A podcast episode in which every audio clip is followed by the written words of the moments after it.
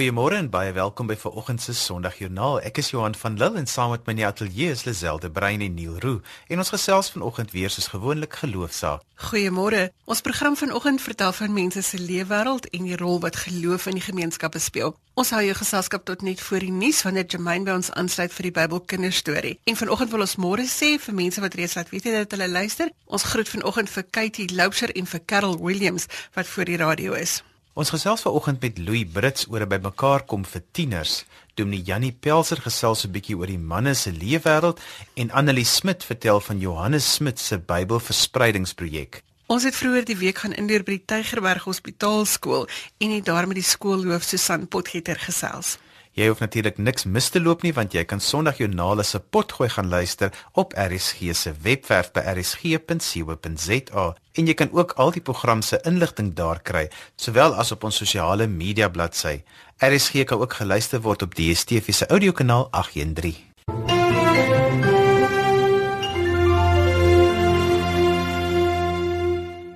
Ons gesels relatief min oor die tieners en hulle geloofsbelewenis en daarom is Louis Brits vanoggend by ons in die ateljee om ons te vertel dat hulle hierdie jaar beplan by die groot Imagine geleenthede wat reg oor die land plaasvind. Goeiemôre Louis. Hallo Lisel, wonderlik om hier te wees. Louis, ons kinders het duidelik behoefte aan bymekaar kom aan lofprysing en ondersteuning want hulle kom in hulle duisende bymekaar vir die Imagine geleentheid. Vertel ons daarvan. Ja, ek wens vir elke liewe groot mens en ouer mens in die kerk kan dit beleef. Want ons raak so maklik neerslagtig oor die jeug en sê wat gaan word van die land. Maar as jy by #imagine is, dan raak jy hoopvol oor die toekoms van Suid-Afrika. Dis juist wat ons by #imagine sê. Ons wil Suid-Afrika se toekoms verander deur daardie mense te impakteer wat dit gaan lei wanneer ek en jy nie meer hier is nie wat ongelukkig op 'n stadium gaan gebeur. So ons kom bymekaar in drie sentra te gelykertyd op een naweek um, in 'n jaar met tieners en jeugleiers. Ons vra vir gemeentes vir elke 10 tieners wat jy bring, bring ook een leier sodat dit wat die tieners beleef ook deur leiers beleef word. Want dan kan die goed in die gemeentes daarna in die res van die jaar aanhou beweeg en kan hulle met die programme aanhou voorthardloop. Laas jaar was ons derde jaar bygewoon deur sowat 1250 gemeentes, meer as 30 uh, denominasies van 380 plus dorpe en stede reg oor Suid-Afrika. So #imagine se footprint, as mens dit so kan sê, is geweldig groot. 70% plus kom uit die platteland uit wat hierdie fees kom bywoon. So mense moet ook nie dink o, dis nie weer 'n ding vir die vir die stad nie. Ons beleef regtig dat baie baie kleiner gemeentes deur buite honderde van hulle jong mense bring na #imagine. Want dit beteken hulle hoef nie self 'n kamp te reël vir die tieners nie. Die multimedia, die lofprysing, die bands, die sprekers wat ons 7, 8 maande lank aanwerk, hoef hulle dan self nie te doen nie. En um, en hulle weet hoeveel tyd en moeite ons insit met die program, met die teologiese inhoud, met die pret. Um, en dit wat die kinders daar beleef en kom terugvertel by die huis veroorsaak energiegolf um, nie net in die gemeente nie, maar die die dominees en die pastore se rapportering aan ons is dat die kinders is lus om iets in die gemeenskap dan te doen en 'n verskil te maak. En dis ons doel. Ons sê vir die jong mense, ja, jy's hier om 'n klomp onskuldige pret te hê, om op en af te spring, om saam met ander mense van ander rasse en ander kerke die Here heerlik te loof. Maar eintlik sê ons vir jou, jy's die kerk van vandag, jy's die hande en voete, gaan maak 'n verskil. Ja, en verduidelik nou my tweede vraag want ek wil sê kom ons spreek nou sommer dadelik die mense aan wat sê maar hierdie is nou net 'n hype vir 'n naweek en dan is daar geen ondersteuning agterna nie. Maar nou is daar leiers wat saamkom, wat teruggaan en wat kan sê dis wat ons beleef het. Dis presies so. Ons is baie prakties en baie missionaal in #imagine van die begin af en elke jaar word ons meer so. As deel van hierdie lang naweek woon hulle om 12 werkswinkels by waar hulle kan kies. En elkeen van hierdie werkswinkels gaan oor praktiese toerusting, oor hoe hulle 'n verskil kan gaan maak om vir hulle te leer. Jy's net 'n tiener, maar ons glo nie net uh, aan bediening aan tieners nie. Ons glo aan bediening deur tieners. So, wat kan jy gaan doen? Jy kan hierdie gaan doen in 'n ouer huis. Jy kan hierdie gaan doen deur 'n groentetuin te gaan plant. Een van ons grootlinge is ons lei hulle op in kinderbediening. Ons het 'n hele werkswinkel want #imagine het nou 'n beweging met naam Imagine Kids en ons wil hê dat daar elke jaar in kerke wat saam hande vat bediening gedoen word, vakansieprogramme, wat ook al, deur tieners aan kleiner kinders. Ons wil hê dit moet normaal word in die kerk dat tieners die kinderbediening doen.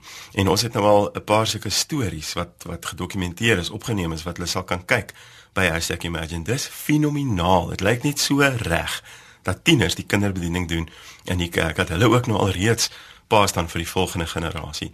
En so is daar 'n legio van moontlikhede wat ons by #imagine vir hulle oopbreek en hulle gaan regtig huis doen, weet jy? Dis vir my nou wat ook al 'n bietjie ouer is, as daai liggie in 'n tiener se oë sien aangaan, as hy besef ek wil nie net 'n verskil maak nie, maar ek kan 'n verskil gaan maak en dat hulle daar uitry by die busse en hulle sê net, "Jesus, ons gaan dit doen, oom, ons gaan dit doen. Ons gaan ons gaan die land vir Jesus aan die brand steek." Want jy bemagtig hulle nie of hulle word daar bemagtig. Die belangrike ding wat ek wil vra is, wat ek hoor van hierdie geleenthede is dat die tieners hier die moed het om te sê ek het hierdie probleem of hierdie is my krisis of dit het met my gebeur en in hierdie veilige omgewing kry hulle dan ook ondersteuning vir hierdie sake. Dit is ook so, dit is baie keer vir tieners daar buite moeilik om om om met iemand te gesels. So ons het goed opgeleide mense by die feeste wat dit dan nou kan hanteer. Ehm um, en ons fasiliteer baie geleenthede vir hulle om in die groep of uh, en in klein groepe of individueel met die Here te ontmoet. Ons noem dit encounter stations. En die hele idee daarmee is dat as jy sê dit gaan nie oor wat op die verhoog gebeur nie. Dit gaan oor wat tussen jou en God en jou persoonlike verhouding gebeur sodat jy ook leer. Jy kan dit terug by die huis ook ervaar. Jy het nie altyd 'n fasiliteerder nodig nie. Jy het veral nie so 'n massiewe uh, ding nodig nie. Maar maak geen fout nie, hierdie massa geleenthede is vir tieners van groot groot belang in hulle lewens. Hulle het almal sulke merktekens. Een gemeente sê hulle het al 500 tieners die afgelope 3 jaar deur #imagine se hande gestuur oor die impak wat hulle sien. Ander leraar wat sê uit sy belydensklas uh, groep van 14 het 10 jong mense hulle verbintenis aan aan die Here Jesus gemaak by #imagine. Om een of ander rede iets te doen daarmee dat tieners sien ek is nie alleen nie. Ek gaan as ek hierdie radikale keuse vir God maak, dan doen ek dit nie alleen nie. Daar's duisende en kyk van hoe ver en wyd is ons. Ons is 'n groot kultuurgroep Christene in die land. En dis waarom ons dit beweging noem. Ons wil hê tieners en mense wat met tieners werk, moet kan raak sien. Daar's groot beweging, multirassig, interkerklik van tieners en jong mense wat opstaan en wat gereed is om leiding te neem in ons land. En ek dink dit is ook 'n kwessie van dat hulle kan sien dat ander tieners net soos hulle reageer en dat dit amper half cool, ek weet regtig nie wat die ander woord vir cool is vanoggend nie, maar dit is half cool is om om te kan praat oor jou geloof, om te kan praat oor dit wat jy glo of dit wat jy nie glo nie. Ja, hulle sien dis nie net cool nie, dis yskoud om vuurwarm te wees vir Jesus. Ons het 'n nuwe um, beweging hierdie jaar waar waaroor ons ook opgewonde is. Ons skep vir die eerste keer 'n young adults aand. So jong mense wat nou tussen 18 en 25 jaar oud is of selfs ouer, maak nie vir ons baie saakie, kan kom eh, die eerste dag van #imagine is die hele aand en die volgende oggend is nou 'n program net vir hulle vir vreeslik min geld en op, op iTickets waar jy ons kan registreer sal hulle dit ook sien. So ehm um, baie mense vra is Imagine dan nou net vir tieners? Ons het sulke goed gemis. Sê ons nee, ons het uh, vrywilligers nodig, ons het groepleiers nodig. Kom saam met jou gemeente en as jy alleen wil kom, ehm um, weet skep net vir jouself 'n registrasieplekkie daar op iTickets. Jy sal sien waar moet jy tik en jy is definitief welkom om daai young adults aan te kom bywoon met 'n program spesifiek vir hulle vir die eerste keer. Gee gou ons die praktiese reëlings. Waar vind dit plaas in die provinsies en wanneer? 18de tot die 20ste Maart. Ons begin Saterdag aand, so die mense kan reg deur Saterdag soontoe reis en kamp opslaan. Ehm um, en dan nou gaan ons aan tot maandag aand want dinsdag die 21ste is publieke vakansiedag. So dan kan die ouens lekker die hele dag spandeer om om terug te ry huis toe. 18 tot 20 Maart in 3 ehm um, plekke. Nampo Park by Botawil vir al die noordelike provinsies wat dan nou ook KwaZulu-Natal um, insluit. Daai fees was by Heidelberg laas jaar, maar hierdie jaar skuif ons vir hom 'n bietjie suid um, om dit makliker te maak nou 'n bietjie vir die Vrystaat en die Noord-Kaap. So die groot Nampo Park uh, by Botawil gaan ons slaan en dan afgrie Mega Park by Bredasdorp vir die Suid-Kaap en die Wes-Kaap. So al daai jong mense moet soontoe gaan en dan is daar een by Jeffreys Bay. Daar's 'n wonderlike terrein met die naam Mentorskraal en dit is dan nou vir die ander deel van die Suid-Kaap en die Oos-Kaap en almal wat graag in J-Bay wil wees vir 'n paar dae in April. Die hardloop soontoe. Al die inskrywings is op iTickets, dis heerlik goedkoop. Daar's ook geleenthede en ons wil gemeentes aanmoedig om hande te vat met ander gemeentes. Ons wil ouers aanmoedig wanneer jy vir jou kind betaal, sal jy vir ons ook vir 'n minder bevoorregte kind betaal want ons wil graag hierdie land se volgende Nelson Mandela bereik. Ons gaan eintlik oor leierskap. Ons wil die Here vertrou dat soos hy Dawid en Gideon gaan uithaal het uit 'n pars kyk en tussen skape, so moet die leiers van môre iewers uitgehaal word en by Imagine aangebring word. En elkeen van hierdie kinders kan hulle kan hulle self nie so toe ry nie. 'n dominee, 'n jeugwerker en 'n bus is nodig. So die skole moet asseblief ook vir ons help en busse beskikbaar stel. En enige iemand wat 'n minderbevoorregte kind kan borg daarop IT, dit sal vir ons verskriklik baie beteken. En kom jy nou met jou kussing en jou slaapsak onder die arm daarin? Tentjie, kussing, slaapsak, al die res word voorsien vir 'n baie baie klein bedrag. Al die kos word voorsien. Eetgery is nie nodig nie. Ehm um, letterlik net 'n slaapding en 'n tentjie as jy het. Ehm um, maar daar is ook by al hierdie terreine slaapsale wat ons dan nou as daar groot groepe is van kerke wat kom of klein groepies wat sê ons ons het nie 'n tent nie oom wat maak ons nou? Dan het ons sulke sale en ouers en, en kerke wat vra nou wat van die seuns en die meisies? Nee nee nee.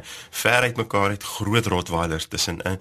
Uh, ons is baie baie konservatief en versigtig by #imagine. So ons hoop net dat die land op ons gaan reën met hulle jong mense. Ons gaan vertrou met hulle jong mense en ons bid dat dit 'n geweldige impak kan maak in Suid-Afrika As jy jong mense het in jou gemeente, maak hulle wakker, laat hulle inskryf by iTickets. Is daar 'n webadres, Louis? Daar is imaginemovement.co.za. Net soos jy vir hom uh, sê, spel hom net so in Engels imaginemovement.co.za 17000 tieners plus is reeds op ons Facebook bladsy wat jy ook maar net daar kan gaan soek onder #imagine. En dan natuurlik by by iTickets gaan soek jy ook maar net vir imagine of #imagine met die klein nutstekentjie is dit wat mense dit noem? 'n nutstekentjie 'n nutstekentjie daai hashtag um, imagine kry jy op iTickets in al drie provinsies se groot experience feeste is apart daar gelys. Dankie Louis vir die saamgesels vanoggend. Baie dankie Ons het gesels met Louis Brits oor die Imagine saamtrekke en ons wil julle maar aanraai om nie te wag tot die laaste week voordat jy beplan om die geleentheid by te woon nie. Hoor sommer vanoggend al wie wil almal saamgaan. Jy kan die inligting kry by iTickets of by die webwerf. As jy sopas ingeskakel het, sê ons goeiemôre. Jy luister na Sondagjoernaal saam met Johan en Lisel en Neil. Gemaak gerus 'n draai op RSG se webblad by rsg.co.za vir inligting oor vandag se gaste en onderwerpe. Die inligting is ook op ons Facebookbladsy saam met fotos en ander interessanthede. Ek het jous vanoggend die foto's gelaai van ons besoek aan die Tygerbergse Hospitaalskool waar ons vroeër die week gaan kuier het en ek het gesels met Susan Potgieter, die skoolhoof daar. Susan, in my leefwêreld is 'n hospitaal 'n hospitaal en 'n skool is 'n skool, maar in jou leefwêreld integreer die twee met mekaar. Hoe werk dinge hier? Weet jy dis eintlik 'n wonderlike geleentheid wat 'n mens het. Jy werk nie alleen net met 'n kind se akademiese vermoë en sy kognitiewe vermoë nie. Jy beteken regtig vir die kind in sy lewe iets hier, want jy gee om, hy's deel van 'n klein groepie en hy kan aangaan met sy skoolwerk. So julle is op die perseel van die hospitaal hmm. en julle gee ook in die saal vir die kinders onderrig. Ons is so bevoorreg dat die hospitaal vir ons 'n wonderlike skool hier onder op die laer grond het waar ons klaskamers het, groot oop ruimtes, ons het 'n biblioteek dat die kinders die idee kry dis 'n regte skool. Wanneer ons in die saal skool hou, dan moet jy langs die kind se bed sit. Daar's baie keer ander elemente, medisyne trollies wat verbykom, dokters wat verbykom, die saal rond is. Die kwaliteit is nie altyd wat dit moet wees nie. Maar weet jy, jy beteken vir die kind regtig soveel want jy gee net aan hom aandag vir daai tydjie wat jy saam met hom sit. Susan, ons het nou hier deur die skool gestap en julle kinders van graad R tot tienerkinders. Wat doen dit vir jou geloofslewe om met hierdie kinders wat in omstandighede is wat nie normaal is nie te kan werk? Weet jy, hulle selfs as mense ouer word, dink ek sien mens goed anders in. Weet jy baie kere ry ek huis toe en ek bly ver van die skool af en weet jy dis my dinktyd. In my bidtyd wat ek terugdink aan wat vandag alles by die skool gebeur en weet ek dat 'n mens verskriklik nederig voel. Want baie van hierdie kinders is regtig terminaal siek. En weet jy die geloof ook van die ouers dat hulle nie sien die kind is besig om agteruit te gaan nie. En dan is daar ook hierdie wonderlike stories jy jy gaan huis toe en jy weet nie weer môre oggend as jy daar instap weer dieselfde kind in dieselfde bed gaan sien nie. Weet jy dan is die kind dan baie keer dan word hierdie kind gesond. Weet jy ek het 'n storie wat rarig my geloofslewe persoonlik baie aangeraak het. Ons het hier 'n terminaal siek kankerkind, een van die baie, maar hy's net een van daai wie jy kan hom net beskryf as iemand niks gaan ooit verkeerd nie. Hy's vrolik en hy gaan net elke dag aan en aan en ek kom nou al 'n lang pad saam met hom in 2015 toe ons die Desember huis toe gaan. Toe is hy ma by sy bed en jy kan sien die gemeenskap is daar en die predikant is daar en hy het baie agteruit gegaan. Wie en ek het huis toe gery en gedink, oh, ek het nou nie gegroet nie, maar dit was nie my plek op daai stadium om daar in te gaan nie. En toe die skool nou in 2016 begin toe bel, een van die verpleegsters en sê kan en sy noem die kind se van skool toe kom. Nou dink ek, ooh, dit was 5 weke vakansie. Wie's hierdie kind? Waarvan praat hy? Ek sê nee, maar as dit 'n hospitaalkind is, kan hy kom. Weet jy en ek hoor hoe loop iemand met krikke met die trappe van bo af. Weet jy en toe sou ek opkyk, dis dit hierdie kind wat ek begrawe het. Toe kom hy daar in 'n ander kind. Weet jy dan besef 'n mens weer God se grootheid in jou lewe. En hy het verlede jaar die hele jaar die skool gegaan en in November het word hy weer siek. Toe hoor ons hy het nou 'n brain tumor en ek en een van die juffrouens van die hoërskool gaan soontoe. Nee sê hulle hy, hy's in die operasieteater so ons kan hom nie sien nie. Die volgende oggend gaan ons weer soontoe. En hulle sê nee nee kom gerus in. Weet jy en daar lê die kind hy lyk nie so sleg soos wat ek gedink het 'n mens moet lyk na 'n brein operasie weet jy en 3 dae later toe sit daai kind regop in sy maat nou die dag hier kom toe kom vra sy kan hy maar weer terugkom skool toe. Toe sê sy vir my hulle het 'n ding in hulle huis. Dis sy liggaam en hy is 14. Dis sy liggaam, hy moet besluit oor operasies. En toe die dokter met haar wou praat vir wat alles verkeerd kan gaan met die breinoperasie. Toe sê sy ehm um, nee, hy moet by wees. Hy sê, "Jo, ek kan nie hierdie goed vir die kind sê nie." Sy sê ja, jy kan en sy vertel toe jy weet hy kan dalk uh, die dokter sê kan dalk nie wakker word nie. Jy kan dalk jou geheue heeltemal verloor. Baie goed wat met Sy sê nee, saaks reg. Sy sê en hy's terug saal toe en hy's op sy selfoon en sy sê sy sit nie daar tot hulle hom kom haal. En so uur later toe begin daar SMS'e deurkom. En sy tog wat het hy aan en sy kyk, toe hy vir sy maats hier in die skool geskryf. Ek sien julle vanmiddag. Sy sê toe sy dit sien, toe weet sy. En is dit nou nie vir 'n mens 'n ongelooflike les? Wie in sulke goed nê, maak my oor en oor in die oggende opstaan en is lekker om werk te. Mag jy enigstens 'n uh, geloof deel met die kinders by die skool? Weet jy uit die aard omdat hulle siek is, vra hulle baie keer daarvoor. Weet jy hierdie is 'n Christelike skool. Die juffrouens wat hier skool hou, is deur en deur almal gelowige mense. Ons begin ons dag so en hoe kan jy dan nou anders as om hierdie positiewe boodskap oor te dra van hoop en liefde en daar is iemand wat na ons kyk. Dankie Susan dat jy ver oggend so 'n stukkie van jou lewe wêreld met ons gedeel het. Dankie Lisel, dit was 'n plesier. En so gesels Susan Potgieter by die Tygerberg Hospitaal skool en sy is die skoolhoof daar. Dit was 'n baie inspirerende ervaring om daar besoek af te lê en sommer vir baie lank na die tyd het dit my nog bygebly oor die wonderlike werk wat die onderwysers by hierdie skool doen, want dit vat 'n baie besonderse onderwyser om in hierdie skool te oorleef. Ek het die een gekry op die versamelalbum van Select Musiek Geloof Hoop en Liefde en dit is natuurlik ook die tema van ons program vandag. Voordat ons oor nog 'n tiener gaan gesels, gaan ons eers stil staan by Dominee Jannie Pelser en sy perspektief oor wat dit beteken om in 2017 'n man te wees. Dominee Jannie Pelser is binnekort 'n entrepreneur dominee, maar vanoggend sluit hy by ons aan om so 'n bietjie oor manne sake te gesels. Môre Jannie? Goeiemôre Gisel en baie baie dankie vir die geleentheid en dag sien al die dames en manne maar in die besonder dan ook oor die manne terwyl ons 'n bietjie bietjie gaan gesels oor uh, manne dinge. Ja nee, ons staan hier aan die begin van Februarie vir 2017. So die jaar is nou op volspoed. Nou hoe verskil 'n man in 2017 van 'n geslag gelede? Ek sou vermoed dat um, elke geslag maar sal sê uh, dat die tydsgewrig waarbinne hulle lewe uitdagend is en uitdagend was uh, elke tydsgewrig het mos maar sy uitdagings en met sy nuwe dinge en so aan. Maar ek dink dat die tyd waarin ons lewe, die ontsettende snelle verandering wat plaasvind, die enigste sekerheid is is dat alles onseker is. Uh, daar in Davos in die afgelope dae waar hulle die wêreldekonomiese forum gehad het, het hulle gepraat van 'n uncertain world. Die manier waarop daar oor die wêreld berig word en die wyse waarop dinge bykans oornag verander. Uh en en die verrassende dinge wat gebeur. En dan natuurlik wat in die media deesdae beskryf word as 'n post-waarheid generasie. Dis alles nuwe momente waarmee vorige generasies nie te doen gekry het nie. So aan die een kant is daar daar hierdie duiseligwekkende geleenthede, die tegnologiese ontwikkelinge en alles wat dit bring. Aan die ander kant uh, moet 'n man in die tyd waarin ons lewe uithaal en wys. Daar is geweldig druk uh en die lewe is nie altyd onregverdig teenoor ons manne nie.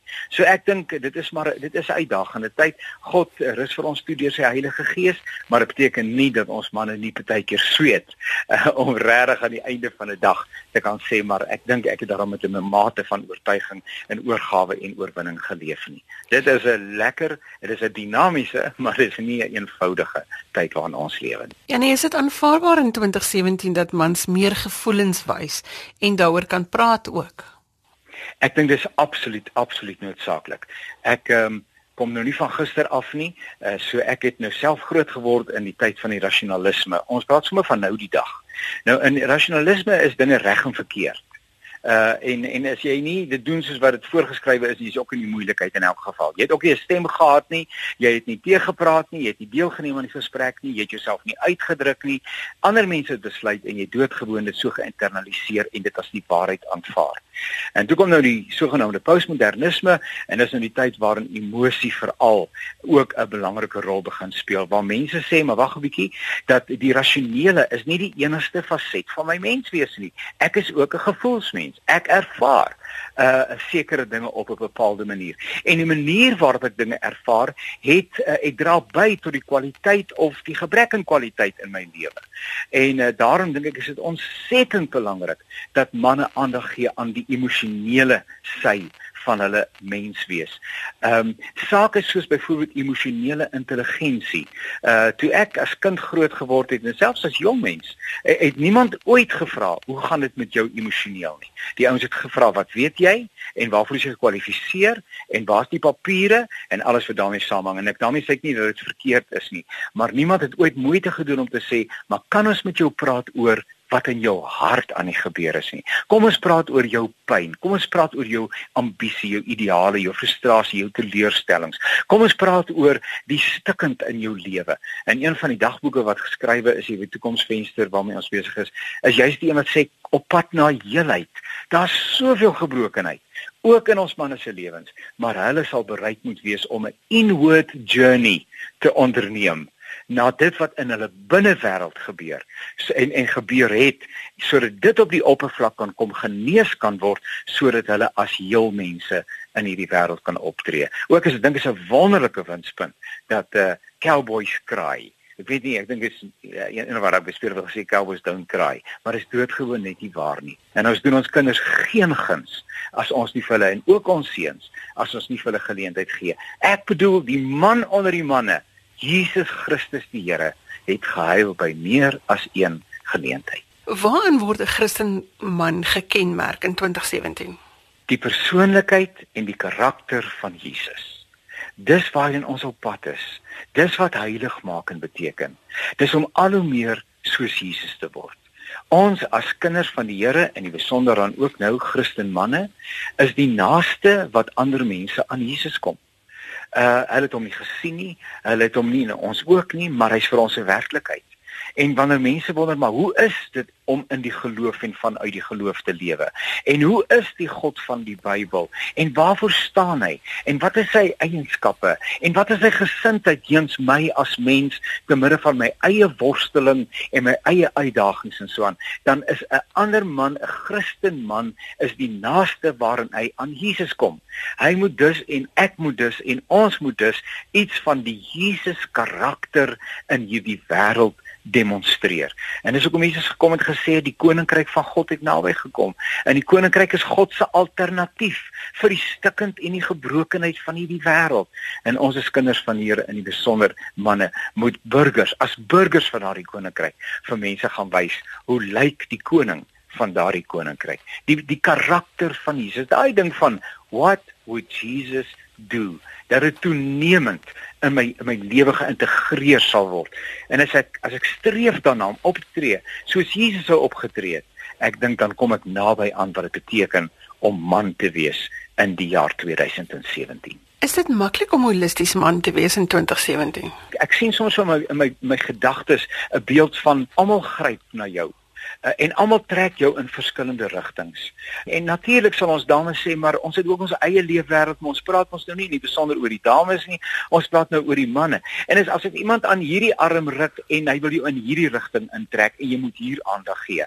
En dan is daar iemand wat aan hierdie arm ruk en en jy moet daai kant toe. En dis die kinders en dis die eggenoot en dis deel van jou plesier en jou voorreg en so aan. Maar dit maak 'n man ook moeg. 'n Man kan desperaat raak.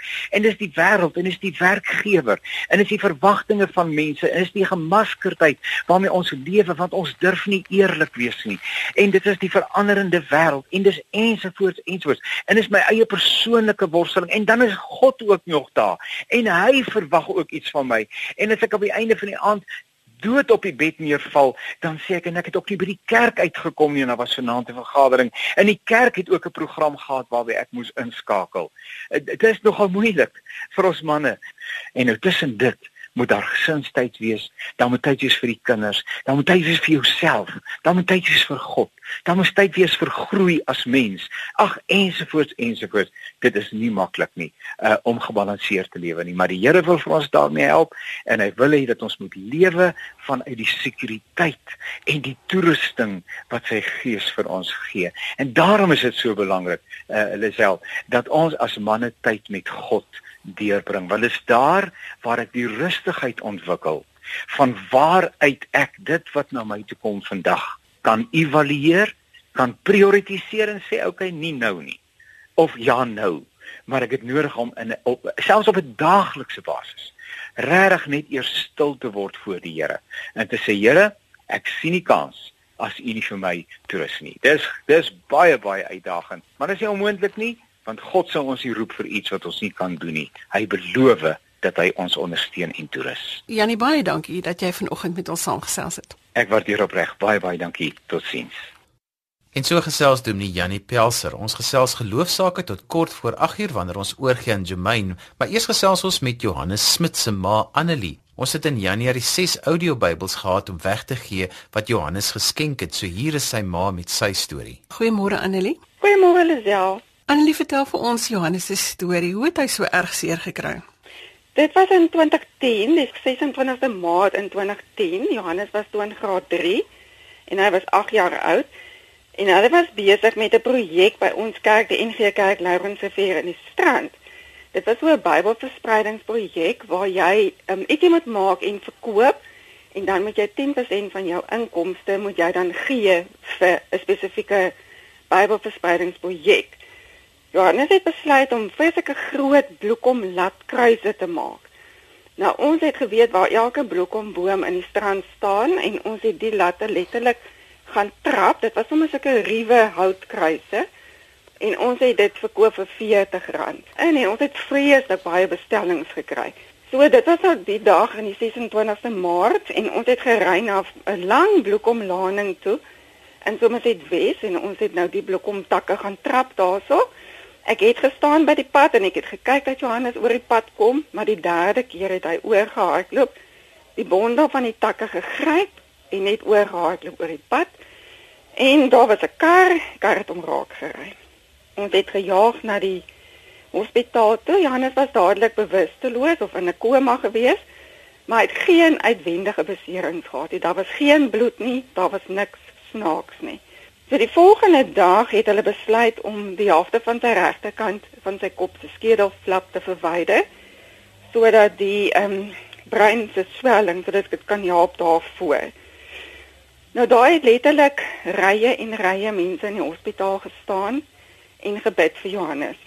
En 'n sekere groep, die CBMC groep, dit is 'n mannegroep, het die een nag die hele nag by Johannes se bed gestaan en gepleit vir sy lewe.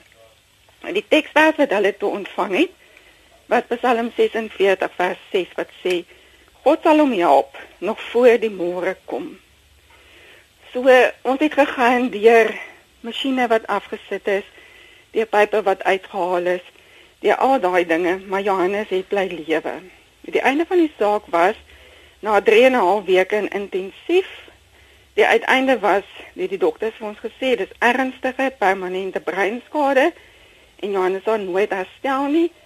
Hy sal plus minus 3 maande lewe en dan sal hy doodgaan van ander verwante siektes soos die hart of die longe of die niere of iets wat ingee. Maar Johannes is toe na die kindersaal in Somerset West. Hy het 'n trachea ingehaat, hy het 'n maagbuis ingehaat en na 2 weke toe is ons geskuif na Intercare toe in Bellville. Dit is 'n rehabilitasiesentrum vir volwassenes, maar om een of ander rede met die hand van die Here het Johannes daar plek gekry. Hy was 8 weke daar en in daai 8 weke het die wonderlikste goed gebeur. Hulle het onmiddellik sy trachea uitgehaal en hy kon self asemhaal.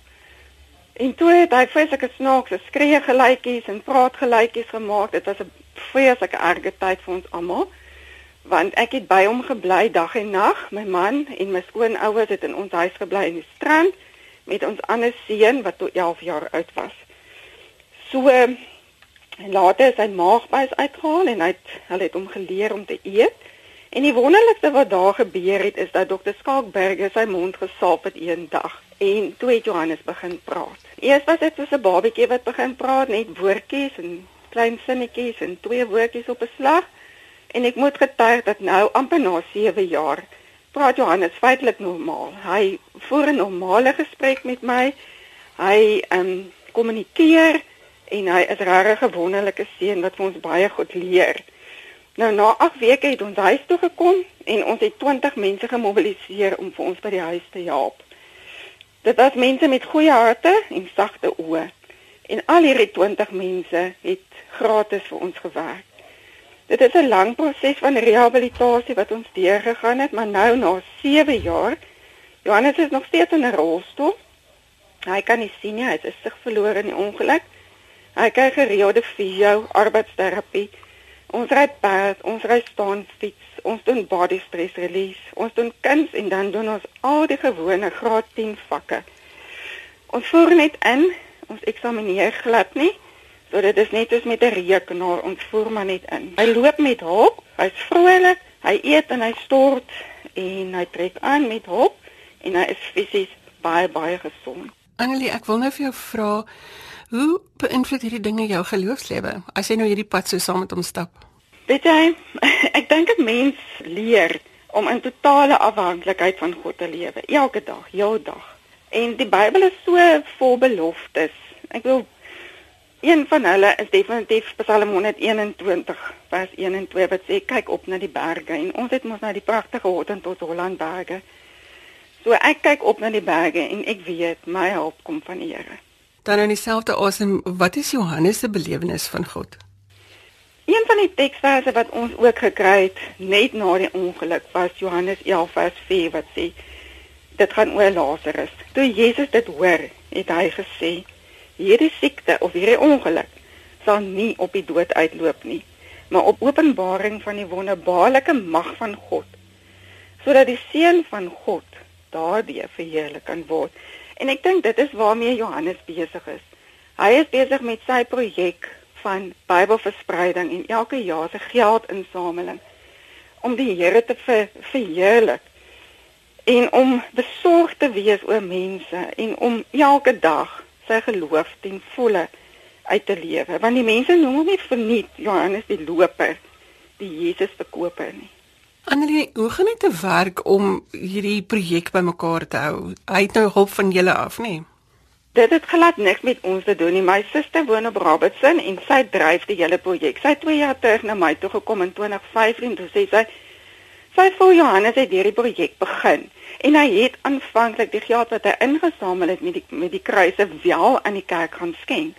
En dit is toe wel vir Bybelverspreiding gebruik jy koop nou sê net maar 'n kaartjie van R50 en dit word alles oor die internet gedoen. En dan het ons een of ander klein prysie. Verlede jaar het ons 'n mosaïekkruis gemaak um, wat Johannes saam met sy kind juffrou gedoen het. So dit het, dit was een van die goed wat die mense dan nou kry.